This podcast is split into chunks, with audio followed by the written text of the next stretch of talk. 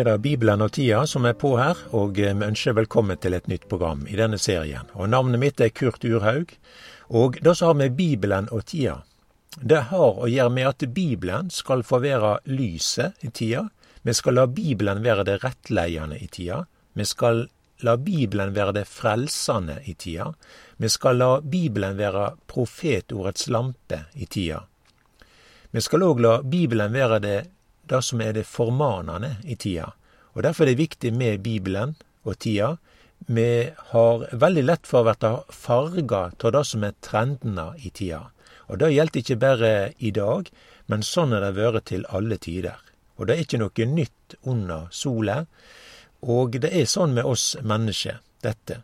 Og det, Derfor er det slik med Bibelen til alle tider er vært det veiledende og det frelsende og det som skal formane oss.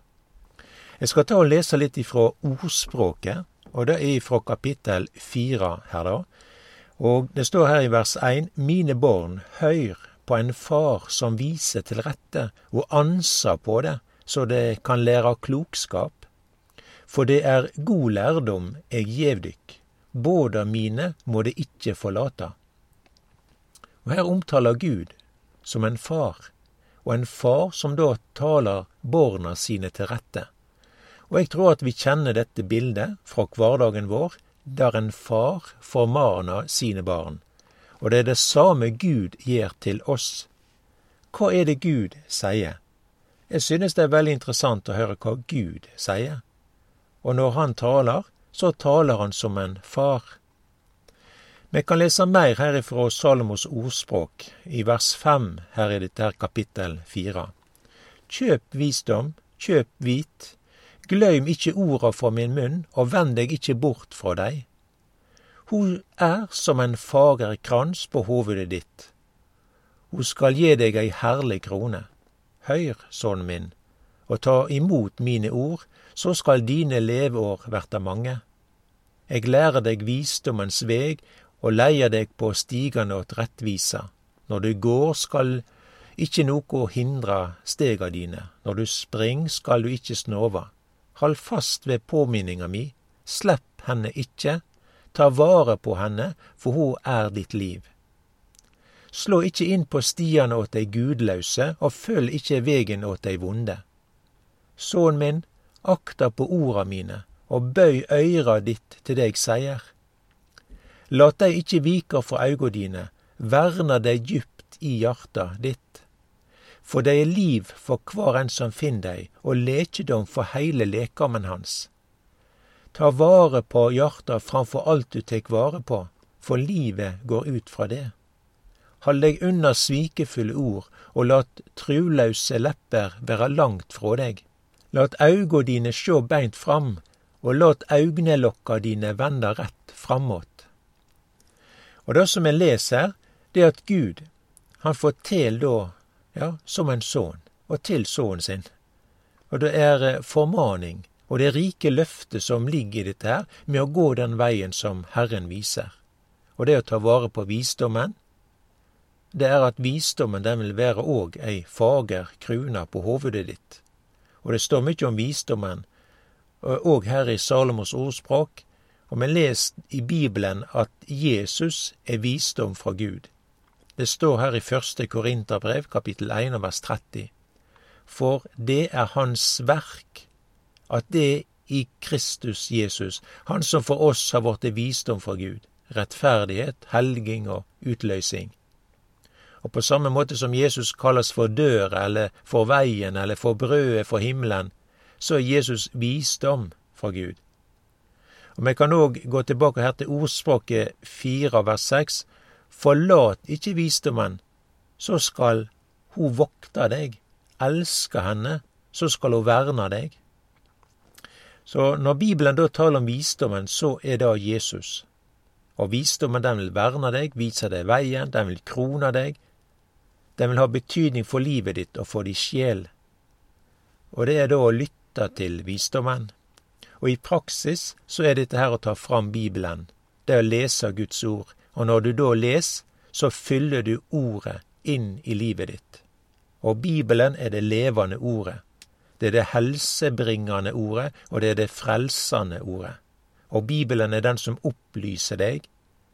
Og når vi da leser derifra fra ordspråket, da, så ser vi da at det er viktig å ha fokus på dette i livet vårt. Lat auga dine sjå beint fram, lat augnelokka dine vende rett framåt. Og det handler om å, å være fokusert. Og det er mange saker og ting som vil distrahere oss. Og det handler om da at det er ting i livet vårt som vil ta bort eh, ja, vår tanke fra Bibelen, få vårt hjerte vendt bort fra Bibelen, få tida vår bort fra Bibelen.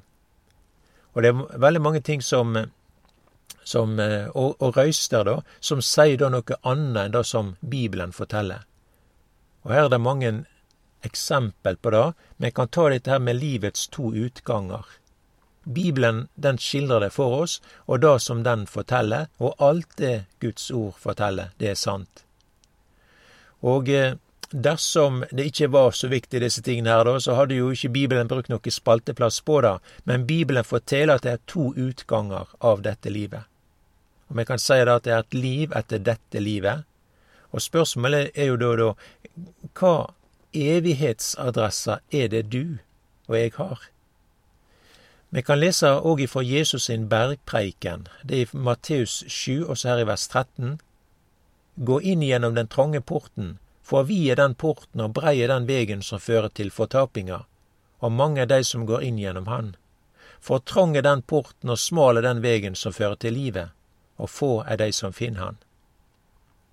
Her får vi ei formaning, det å gå inn gjennom den trange porten. Vi kan òg lese ifra Filippabrevet 3, og vers 18 her, og det er Paulus som da har skrevet dette brevet. Og det er skrevet til de kristne i Filippi. For eh, som jeg ofte har sagt dykk, og nå sier det med tåre, mange ferder som fiender av Kristi kors. De ender i fortapinga. Buken er deira Gud, og de set si ære i si skam. De trår bare etter jordiske ting. Men vi har heimlandet vårt i himmelen, og derifra venter vi òg Herren Jesus Kristus som frelser. Han skal omskape fornedringslekamen vår og gjøre han lik herligdomslekamen sin, ved den kraft han har til å legge alle ting under seg. Og når vi da leser disse ordene, så forstår vi da at det er ei fortaping. Og de som går fortapt, er de som er fiender av Kristi kors. De trår etter jordiske ting. Og her i Matteus 6 og vers 19 så eh, er det å lese Samla dykk ikke skatter på jorda, der møll og rust tærer, der tjuver bryter seg inn og stel. Men samla dykk skatter i himmelen, der korkje møll eller rust tærer, der tjuver ikke bryter seg inn og stel for der skatten din er, der vil hjarta ditt òg være. Så Bibelen er veldig konkret når det gjelder livet vårt, og hva som skal og bør være vår prioritering, og det som skal være vår fokus. Og det er det som har med tida å gjøre, og det som har med evigheten å gjøre. Jeg forstår det sånn at når vi samler oss skatter, som da har evighetsbetydning, Altså, det som har med det synlige å gjøre, det er noe som er den, av den forgjengelige karakter. Og alt det som er her i tida, er ikke bare noe som jeg kan miste, men det er noe som jeg kjem til å miste. Og de saker og ting som har med mine verdier i tida å gjøre, har òg noe med evigheten å gjøre. Og vi leste om disse som hadde heimlandet sitt i himmelen. Og eh, hvem er det? Ja, det er de som har tatt imot Jesus som sin frelser. Jesus sa jo også disse ordene her, at 'jeg går bort for å gjøre i stand en stad', sa han. Og det, det ordene finner Johannes evangeliet 14. Og denne staden, det er ikke noe eventyr eller noe som er tomme drømmer og fine ord, men det er realiteter. Det er på samme måte som vi er norsk statsborger. På samme måte er det òg å være en borger av himmelen. I enkelte tilfeller når en reiser ut av Norge, så er det greit å ha passet med seg. Sånn er det også med himmelen. Du må ha passet i orden. Og Bibelen tar jo da fram de som er fiender av Jesu kors. Det er de som har sin glede i jordiske ting, eller samler seg skatter på jorda, eller de som går på den breie veien, eller de som går inn gjennom den vide porten. Og her er Bibelen da klar på og sier det på denne måten de går fortapt. På samme måte som himmelen er en realitet, sånn er også fortapelsen en realitet. Og vi mennesker, vi sitter med billetten. Det er vi mennesker som sitter med adressa. Og det store spørsmålet er da, hva er det for ei du sitter med? Og Bibelen forteller at du må gå på den smale veien, den som fører til livet, den som fører til himmelen. Og jeg tror at når vi har lest disse ordene her, så forstår vi da at det er to utganger av livet. Det er to adresser når det gjelder evigheten. Og det er mange som forteller da at vi veit ikke noe. En kan jo få inntrykk av at en òg heller ikke vil vite noe, hva som er etter døden. Når vi leser ei annonse der mennesket er død, eller at vi leser at det har skjedd ei ulykke og som førte til døden, så spør jeg meg ofte hvor gikk de hen? Jeg har inntrykk av at det er kjendiser og andre i media som med sin frimodighet forteller om døden, opplevelsen kring det som har med døden å gjøre. Det kan være sorga og tapet etter de som er døde. Og det kan se ut som at dette er av interesse, og trenden i dag er dette her med det som har med etter døden, og det er noe som vi mennesker skal si og, og mene noe om. Og det handler òg om at det er hver enkelt som må finne si trøyst eller si forventning til det som er etter døden, og på denne måten finne hjelp og finne svaret. Men hva er det som er sanninga? Og jeg tror at det, her er det en fin anledning, samtidig som det òg er ei stor utfordring å fortelle det som er sanninga. Jeg må nødvendigvis komme med en bibel å lese, og det er kanskje det er Bibelen som er problemet. Grunnen er at Bibelen er Guds ord, det er sanninga, og vi mennesker er på den måten skrudd i sammen at vi ønsker ikke dette. Og det har sammenheng med at en er fiender av Kristi kors. Og det betyr at en ikke har sans for, eller at en ikke ønsker det som har med Bibelen å gjøre. Og da ønsker en heller ikke å høre at du går fortapt uten Jesus. Du har et stort problem om du ikke lytter til fars formaning om å ta vare på visdommen, skaffe deg visdommen, sånn som vi leste her innledningsvis. Og ordet som vi leste, sønnen min, akta på orda mine, og bøy øyra ditt til det eg sier. Og det er det som er visdommen, det å bøye sitt øyre, bøye sitt hjerte for Guds ord, akta på orda mine. Og det er det som er det frelsende for ditt liv her i tida, og for evigheten. Og fra Filippabrevet så leste vi jo vi òg her at ja, vi har heimlandet vårt i himmelen.